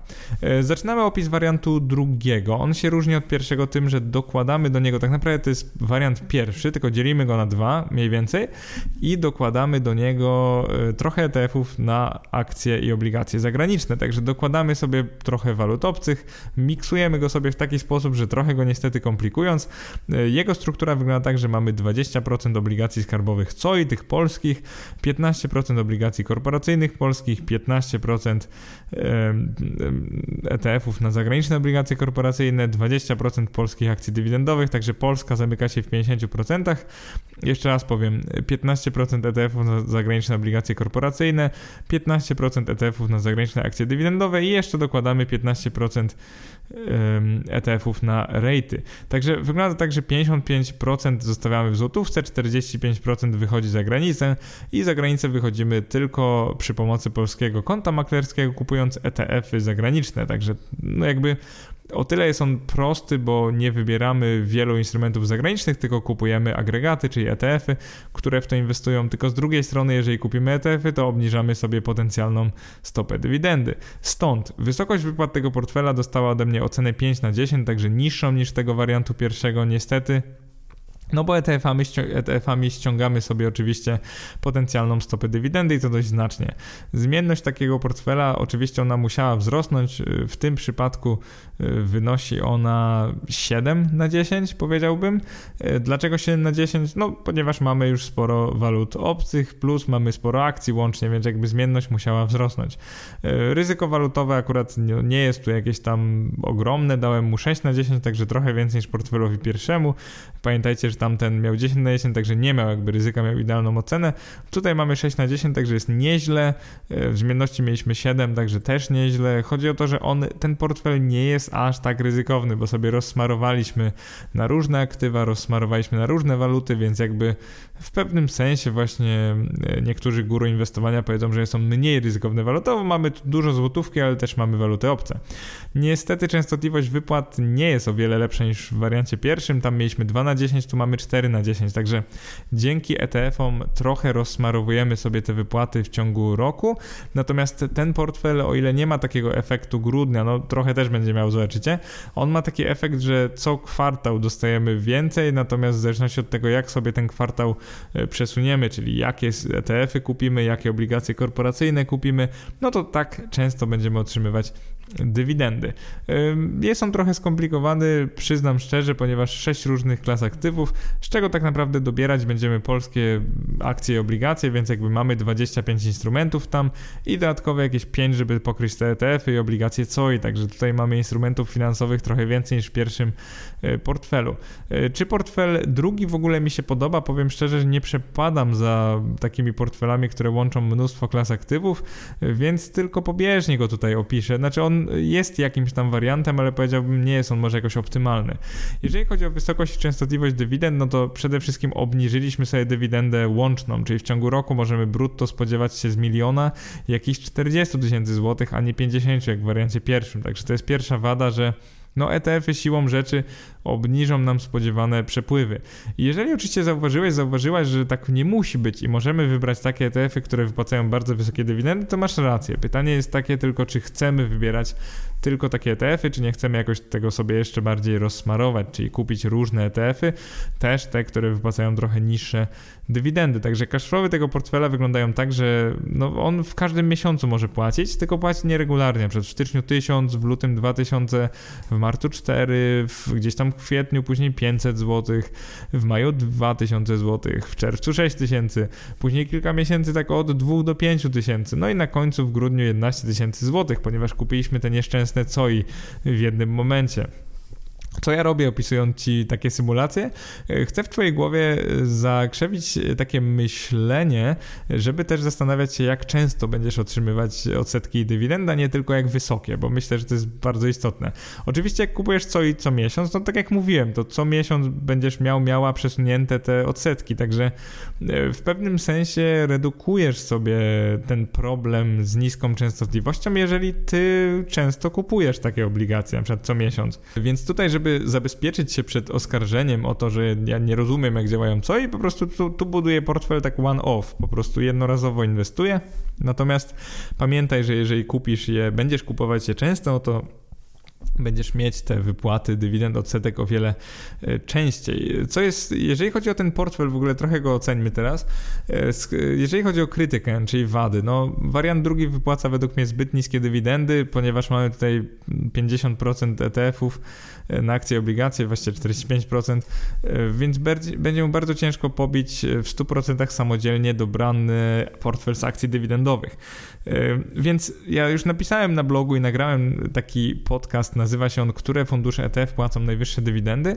Tam mi się udało znaleźć powyżej 10 funduszy, które faktycznie przez lata wypłacały około i więcej 5% brutto rocznie. To w świecie ETF-ów nie jest to żadnym standardem i tak naprawdę dość ciężko jest takie coś uzyskać, więc obniżamy tutaj z miliona, z 50 tysięcy złotych rocznie na 40% złotych rocznie brutto. No to jest oczywista wada. Druga wada to jest to, że wariant drugi wymaga mocnego i częstego równoważenia proporcji portfela, czyli prowadzenie takiego portfela, on ma 6 różnych składników, zawsze będzie trudniejsze niż prowadzenie portfela złożonego jedynie z trzech. I teraz czepialscy mogą powiedzieć, że tu mamy 6 kategorii, ale tak naprawdę ETF-y nie zwiększyły znacząco liczby instrumentów, ponieważ to w doborze spółek samodzielnym kupujemy po 15-20 spółek na przykład, a w ETF-ach możemy wybrać dwa albo trzy, albo nawet jeden. Więc czepialscy mogą powiedzieć, że zaraz, zaraz, że tak naprawdę tu może być e, mniej albo podobna liczba instrumentów, co w wariantach 1 i 3, ale bardziej mi chodzi o klasę aktywów, że jeżeli później bawimy się w, w, w równoważenie proporcji portfela, czyli w rebalancing tak zwany, no to oczywiście będzie on trudniejszy niż w przypadku e, wariantu pierwszego i trzeciego, który zaraz też omówimy. Więc wzrost liczby aktywów to dla mnie nie jest przynajmniej e, zaleta w tym przypadku takiego rentierskiego portfela dywidendowego. Będzie ciężej go prowadzić. Kolejna sprawa to to, że wariant drugi wypłaca dywidendy częściej, ale może to nie być wystarczająco często i regularnie. Także on ym, dostał ocenę 4 na 10 w tej częstotliwości, natomiast może to nie być wystarczająco dobre rozłożenie. Także zastanów się, czy wystarczy coś takiego i budując ten y, portfel, oczywiście zastanów się, czy może by tu nie dorzucić, y, nie poprzesuwać tych co kwartalnych dywidend w taki sposób, żeby optymalnie jakoś wypłacił nam y, dywidendy co miesiąc. Takie w miarę wys wysokie, w miarę równomiernie. Jeżeli chodzi o zalety tego portfela, są one no, dość mocne. E, jedna sprawa to to, że wymaga on jedynie polskiego konta maklerskiego, tyle że musi mieć ono dostęp do rynków zagranicznych. W tej chwili e, głównie by było to więc e, XTB, Bossa, mBank, lub na przykład Santander. E, tak by the way zupełnie, jeżeli nie masz teraz konta maklerskiego, doceniasz moje materiały, no to serdeczna prośba, żeby założyć je z jednego linku, który mam na blogu. Bardzo prosto je znajdziesz w każdym wpisie inwestycyjnym lub na stronie głównej w widgetach po prawej stronie. Także serdeczne dzięki. Jeżeli jeszcze nie masz konta i chcesz mi jakoś pomóc, możesz e, właśnie zapłacić mi. Tam dostaję prowizję około 50 zł za mBank, 100 zł za XTB, tak żebyście transparentnie wiedzieli, więc bardzo Wam dziękuję za każde takie kliknięcie i założenie konta konta z mojego linku, ale wracamy do wpisu. Drugi podpunkt, druga zaleta tego wariantu drugiego to jest to, że wprowadza on około 50%, trochę mniej walut obcych, a więc nie ryzykujemy tu tak bardzo na linii złotówki, więc na zdrowy rozsądek warto w portfelu mieć kilka walut i dzięki temu portfelowi mamy właśnie różne waluty, a nie tylko polską złotówkę. E, trzecia zaleta, bardzo duża, to jest to, że wariant drugi można znacznie uprościć, na przykład pozbywając się z niego polskich obligacji korporacyjnych i skupiając jedynie na polskich obligacjach skarbowych COI, albo na przykład na ETF-ach, na obligacje korporacyjne i ETF-ach na akcje dywidendowe, więc jedyny problem w tym, że możemy takim manewrem e, zmniejszyć sobie spodziewaną stopę dywidendy, więc jakby co z tego, że sobie go uprościmy, jak stopa dywidendy wtedy znacząco może ulec obniżeniu. Jeszcze pamiętaj o tym, że stopa dywidendy jest w tych oryginalnych walutach funduszy, więc wobec złotego to mogą być bardzo mocno majtające się dywidendy, jako taka ciekawostka, żeby też o tym myśleć. Czy jest więc jakiś sposób, żeby zwiększyć sobie stopę dywidendy i częstotliwość jej wypłat jak najbardziej najbardziej, więc przedstawię tutaj taki portfel trzeci. Wariant trzeci y, nazywa się tylko zagranica i częste wypłaty. Jest on takim hołdem, który mam dla dywidendowych konserwatystów, czyli dla osób, które inwestują jedynie w zagraniczne akcje dywidendowe. Tak naprawdę rozumiem to, co robią te osoby. Sam obecnie tego nie robię, ale wydaje mi się, że w przyszłości mój portfel będzie właśnie bardziej wyglądał w ten sposób niż w jakikolwiek inny. W przyszłości, czyli wtedy, jak będę chciał już żyć z dywidend i odsetek, jak już będę, jak już osiągnę to moje FIRE legendarne, i będę chciał żyć z tych dywidend. Zwykle pod nazwą zagranicznej kryje się amerykańskie, także my, możesz myśleć, że głównie mówimy to o spółkach spółek amerykańskich oraz rate'ów amerykańskich, zaraz omówimy sobie skład. W tym portfelu w cudzysłowie siedzą właśnie głównie zagraniczne akcje dywidendowe 50% oraz rejty 25%, też zagraniczne oczywiście, polskich jeszcze nie ma i 25% ETF-y na zagraniczne obligacje korporacyjne, także ryzyko jest tu naprawdę y, ogromne. Y, naturalnie zmienność tego portfela i ryzyko walutowe uzyskały niskie oceny, ale to zaraz. Zacznijmy od wysokości wypłat 8 na 10, także, także znacząco wyższa niż w przypadku wariantu pierwszego i drugiego. Oczywiście to zależy od tego, jakie spółki wybierzemy wybierzemy, czyli w jakie spółki zainwestujemy, no ale to, co mogę Wam powiedzieć, że naprawdę e, w tej chwili spółek, które wypłacają takie wyższe dywidendy, mam na myśli 6, 7, 8% rocznie brutto, no jest sporo dość, zarówno w Stanach, jak w Polsce, ale w tym portfelu, skoro mamy same rate i takie spółki, no to nie powinno to być jakieś bardzo trudne. E, czyli ocena za wysokość wypłat bardzo wysoka, 8 na 10. Ocena za zmienność, no niestety coraz niższa, 4 na 10. Mamy tu prawie same akcje, no staramy się to balansować tym ETF-em na obligacje korporacyjne, które też same w sobie są dość zmienne, więc jakby no nie oszukujmy się, taki portfel w kryzysie, takim krachu na giełdzie nie zachowa się jakoś świetnie. Ryzyko walutowe 2 na 10 jest no bardzo wysokie. 2 dostało dlatego, że rozsmarowujemy, możemy sobie kupić akcje różnych spółek, no ale w praktyce głównie myślimy USA, więc pewnie taki portfel głównie będzie posiadał dolara amerykańskiego, więc niestety ryzyko walutowe jest tu spore, no i nie mamy tu w ogóle złotówki, także dla niektórych jest to plus, dla innych minus. Prawda jest taka, że no ryzyko walutowe na złotówce jest ogromne, no bo ten portfel w zależności od kursu walut naszej, e, kursu naszej waluty wobec na przykład dolara, będzie wypłacał nam raz 1000 zł, raz 2000 zł miesięcznie. E, tak się śmieję, ale pamiętajcie o tym, że no dużo zależy tutaj od waluty. Częstotliwość wypłat dostała tu fenomenalną ocenę 8 na 10, tak jak wysokość wypłat. E, dlaczego? Dlatego, że te akcje spółek amerykańskich, zwłaszcza rate'ów, wypłacają, znaczy spółki wypłacają, nie akcje oczywiście, spółki wypłacają dywidendy bardzo często, więc takie co kwartał lub nawet co miesiąc to jest w pewnym sensie normalka i jest dość łatwo wybrać takie instrumenty. Także ciekawostką jest to, że częstotliwość wypłat będzie ogromna, zaraz zobaczysz, ale ten efekt uzyskujemy również poprzez umiejętny dobór spółek oraz ETF-ów. Także to nie jest tak, że z automatu będziesz miał lub miała dywidendy co miesiąc. Także pogadajmy trochę o wysokości częstotliwości dywidend, o tym, co tygryski lubią najbardziej. 60 e, tysięcy złotych możemy spokojnie brutto uzyskać z miliona, jeżeli zainwestujemy umiejętnie w taki portfel i jakoś sobie rozsmarujemy na 15 różnych spółek amerykańskich, na przykład w tym będzie kilka rate'ów. E, więc spokojnie da się uzyskać wyższe e, wpływy niż tego portfela tylko polskiego oraz portfela mieszanego, także to jest pierwszy fakt jakiś. Drugi fakt jest taki, że mogą być one dużo bardziej regularne, czyli na przykład w styczniu 4000 zł, w lutym 3, w marcu 7, później mamy w kwietniu 4,5, w maju 4000, w czerwcu 6,5 i tak dalej, i tak dalej. Tak naprawdę cała reszta roku wygląda tak, że będą miesiące lepsze i gorsze, ale mamy bardzo zrównoważone te dywidendy, czyli to jest taki niby etat etat. Naprawdę możemy tym sobie zastąpić etat i można to nazwać już prawdziwą rentą. Jeżeli chodzi o krytykę tego portfela, z wady mi się udało znaleźć tylko dwie.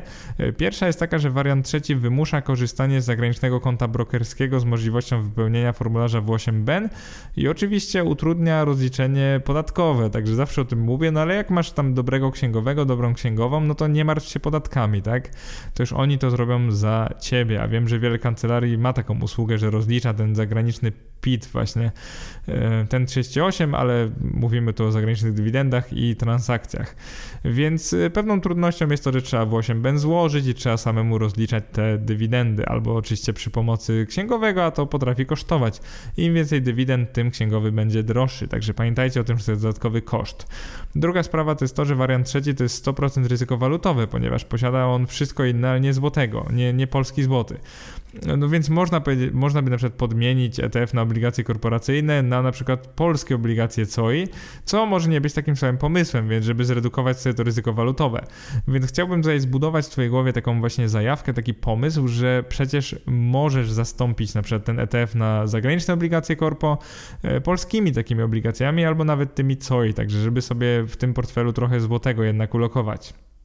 Zalet jest tutaj jednak według mnie o wiele więcej niż wad, a do nich należą na przykład to, że wariant trzeci wypłaca wysokie dywidendy i jednocześnie umożliwia nam pełną kontrolę portfela, czyli to my wybieramy branże i kraje świata, możemy sobie go bardzo zdywersyfikować i tak dalej, i tak dalej. Oczywiście rebalancing nie będzie prosty, no bo mamy poszczególne pojedyncze spółki. No nie wyobrażam sobie, że będziesz dokupywać porówno pojedynczych spółek w każdym miesiącu, więc pamiętaj, że rebalancing portfela e, takiego aktywnego, w którym mamy poszczególne spółki nigdy nie jest tak proste jak rebalancing portfela ETF-ów, więc to jest jakaś no, wada w pewnym sensie, ale z drugiej strony zaleta, że mamy pełną kontrolę. To my wybieramy ile spółek, jakie branże, jak często wypłacające i tak dalej. Także kontrola jest ważna w inwestowaniu. Druga zaleta to to, że wariant trzeci wypłaca nam częste dywidendy, więc tak naprawdę jest jedynym prawdziwie rentierskim portfelem z tego zestawienia. I o ile wszystkie z nich są no, całkiem fajne, do pierwszego mam duży sentyment, bo sam coś podobnego prowadziłem przez lata, może bez tych obligacji skarbowych, ale wariant pierwszy i drugi, te warianty też mają jakby dużo fajnego do przekazania przekazania inwestorowi. Natomiast wariant trzeci ma jedyny nam do zaoferowania tak prawdziwie regularne dywidendy, więc jest jedynie, jedynym prawdziwie rentierskim portfelem z tego zestawienia. E, kolejną zaletą w pewnym sensie jest to, że wariant trzeci wymaga tylko zagranicznego konta brokerskiego, ponieważ nie musimy tu mieć na przykład konta w PKO Obligacje. Zauważcie, że w wariantach pierwszym i drugim musieliśmy mieć konto w PKO Obligacje oraz konto maklerskie. Tutaj możemy mieć tylko jedno zagraniczne konto brokerskie, co dla mnie, jako fana takiego upraszczania życia jest jednak dużą zaletą. Nie potrzebujemy tu dostępu do PKO obligacje. Więc są w pewnym sensie prostsze niż portfele oparte na polskich instrumentach finansowych. E, czwartą zaletą, ten akurat ma cztery zalety, paradoksalnie portfel trzeci można zbudować najprościej, ponieważ użyjemy tu na przykład jednego ETF-a na obligacje korporacyjne i na przykład 8-10 światowych spółek. W przypadku wariantów 1 i 2 znacznie lepiej byłoby wybrać więcej aktywów, a tutaj cenimy sobie prostotę i wybieramy tylko firmy o naprawdę wysokich dywidendach i oczywiście możliwie wysokiej renomie. I na sam koniec tego podcastu chciałbym jakby otworzyć Ci oczy, prezentując właśnie skumulowane cashflowy tych portfeli i to, jak bardzo przeszkadza tutaj niska regularność ich wypłat. Jeżeli na przykład w wariancie pierwszym i drugim będziesz kupować co i co miesiąc porówno, czyli te polskie obligacje skarbowe, e, przy czym utworzysz sobie taki wehikuł, który co miesiąc wypłaca ci odpowiednie odsetki, to oczywiście wykonasz no, fajny bardzo ruch i sobie tą częstotliwość dywidend odsetek znacznie zwiększysz, więc jakby nie będzie tego problemu, który ja opisałem. Natomiast je, jeśli jednorazowo kupisz te polskie obligacje COI, no to niestety skazujesz się na to, że w tym grudniu, czy po prostu co 12 miesięcy, bo to nie będzie zawsze grudzień, tylko jak kupisz w grudniu, to będzie grudzień, e, co 12 miesięcy uzyskasz dużą wypłatę odsetek, natomiast przez pozostałe miesiące nic, więc chciałbym tutaj wyczulić Ciebie na takie podejście, że kupuję po prostu coś, co wypłaca e, dywidendy, ale nie patrzę na to jak często, więc według mnie warto jest spojrzeć na to jak często. I na sam koniec chyba to, na co wiele osób czekało, czyli jak sam buduje swój portfel dywidendowy. Dla osób, które czytały wpis lub słuchały podcastu Dlaczego inwestuję, czyli moja droga do finansowej niezależności. Swoją drogą, jeżeli jeszcze tego nie słuchałaś, nie słuchałeś, to serdecznie zachęcam. E, tutaj jeszcze raz opiszę taki diagram, który przedstawia mój sposób budowania portfela inwestycyjnego. Tak naprawdę bardzo krótka, prosta sprawa. To jest jeden portfel, także nie mam 10 portfeli i ich jakoś tam nie labeluję. Po prostu mam część pasywną opartą opartą na cashflowach i część aktywną opartą na zarabianiu pieniędzy takim bardziej spekulacyjnym. Ta część pasywna ma mieć docelowo 80-90% portfela, no i tak część ma przynosić około 6 do 8% wpływów z dywidend i odsetek, także właśnie chodzi mi o cashflowy i to jest większość mojego portfela. E, część aktywna natomiast to może być jakieś 10-20% mojego portfela i to jest no spekulacja, akcje wzrostowe, jakieś certyfikaty z dźwignią, kruszce, surowce, e, kryptowaluty, jakieś tam inne egzotyczne inwestycje. Także Tutaj na tym wzroście zawsze będę mniejszą część portfela skupiał, natomiast na cashflowach, na przypływach e, większą. I działa to tak, że IK i IGZE jest po tej stronie cashflowów, także e, wszystko co wypłaca ma być po tej stronie właśnie bezpieczniejszej cashflowowej, a wszystko co ma być agresywne, ma rosnąć jest po tej stronie aktywnej. I dlaczego w ogóle tak robię? E, czy jest to mój docelowy tryb inwestowania? Powiedziałbym, że nie, bo wydaje mi się, że w przyszłości będę budował pewnie coś jak wariant trzeci z tego podcastu, czyli spróbuję zrobić taki dobry portfel spółek dywidendowych. Oczywiście im szybciej, tym lepiej, natomiast jestem takim podatkowym leniem, na razie nie chcę mi się rozliczać, mimo że nagrałem takie materiały, niektórzy je nawet nazywają dobrymi bardzo, także dziękuję za takie pochlebne opinie, tak swoją drogą. Myślę, że jestem leniem podatkowym na razie, prowadzę tak, że mi było łatwiej, także mam dużo polskich aktywów, głównie dlatego, że od nich automatycznie się odciąga ten podatek belki, nie muszę nic e, robić. Dlaczego w ogóle inwestuję dywidendowo? Ponieważ według mnie nic tak nie motywuje do dalszego oszczędzania i inwestowania, jak 5000 zł wpływu z dywidend i odsetek w każdym miesiącu. Czy wiem coś o tym? No tak powiem e, w taj, tak tajemniczo trochę, że tak, wiem coś o tym. E, bardzo podobają mi się takie wpływy z odsetek i z dywidend i powiem wam szczerze, że no to nie motywuje niesamowicie, bo w perspektywie czasu na samym początku inwestycyjnej ścieżki, czyli tak naprawdę no 10 lat temu, nawet nie sądziłem, że da się uzyskiwać tyle pieniędzy z dywidend i odsetek. I oczywiście wiadomo, że jak się kupi mieszkanie na wynajem, to też można z tego najmu uzyskiwać pieniądze, natomiast dla mnie to jest takie magiczne, że ja nie kupowałem żadnych mieszkań, po prostu kupuję sobie aktywa. Jeszcze nie mam aktywów tak dużo w portfelu, bo jakby wszystkiego mam około 20, e, także mam, e, tak, tak jak te warianty tak naprawdę, ja mam podobną liczbę instrumentów finansowych, także wyobraźcie sobie, że nie mam 100 e, różnych, czy tam akcji 100 różnych spółek, nieco upraszcza to życie. Robię to za pomocą jednego konta maklerskiego. Oczywiście powoli przestawiam się już na kolejne konta, także e, też uczę się tego, żeby dywersyfikować też ryzyko poprzez używanie różnych kont, także gdzieś tam powoli będę używał teraz też zagranicznych brokerów. Przynajmniej tak się nastawiam. Na pewno o tym napiszę na blogu i nagram w podcaście, tak żeby będziecie o tym wiedzieli. E, więc takie inwestowanie rentierskie jest i będzie bardzo ważną częścią e, mojego życia, tak mi się wydaje. Tak jak mówiłem, 5000 cashflowów miesięcznie niesamowicie motywuje motywuje do inwestowania, niesamowicie inspiruje, żeby to zacząć, więc sugeruję tobie, jeżeli jeszcze tego nie robisz, zacznij budować taki portfel. To nie jest tak, że od razu uzyskasz nie wiadomo jak wysokie cashflowy. Jeżeli ktoś ci mówi, że 5 e, tysięcy miesięcznie będziesz miał, miała ze 100 tysięcy złotych, no to przestań słuchać takiej osoby, ponieważ to są po prostu głupoty, e, mówiąc wprost. E, ja czasami nie boję się nazwać rzeczy po imieniu, staram się nie być jakiś kontrowersyjny, tylko raczej merytoryczny. Natomiast jeżeli ktoś wam będzie obiecywał gruszki na wierzbie, to przestańcie go słuchać. Natomiast jeżeli ktoś wam mówi, mówi od razu, że musicie mieć około milion złotych, żeby tyle uzyskać, no to myślę, że śmiało możecie kontynuować słuchanie, bo, bo taka osoba nie chce was przynajmniej oszukać. A to jest najważniejsze, żeby słuchać ludzi, którzy nie chcą was oszukiwać, e, czegoś tam wam tylko wciskać, tylko chcą no, dla was dobrze, chcą po prostu edukować e, Polaków i naprawdę mają taką misję. E, no fajnie, było nie tylko Polaków, no ale jak robię to po polsku, to na, na razie było tutaj dość e, ciężko. Także serdecznie zachęcam do sprawdzenia jeszcze tych podcastów dywidendowych, czyli właśnie prognoza wysokości dywidend spółek z GPW, które spółki z GPW płacą dywidendy w 2021 roku i na przykład które fundusze ETF płacą najwyższe dywidendy. Mam nadzieję, że ten podcast się podobał. Powoli dochodzimy do końca. Bardzo dziękuję za wysłuchanie jego. Pamiętaj o tej ocenie na Apple Podcast. Pamiętaj też oczywiście o polubieniu mojego fanpage'a na Facebooku. Bardzo mi tym pomagasz zwiększasz moją wiarygodność i zasięgi. Cześć, do następnego.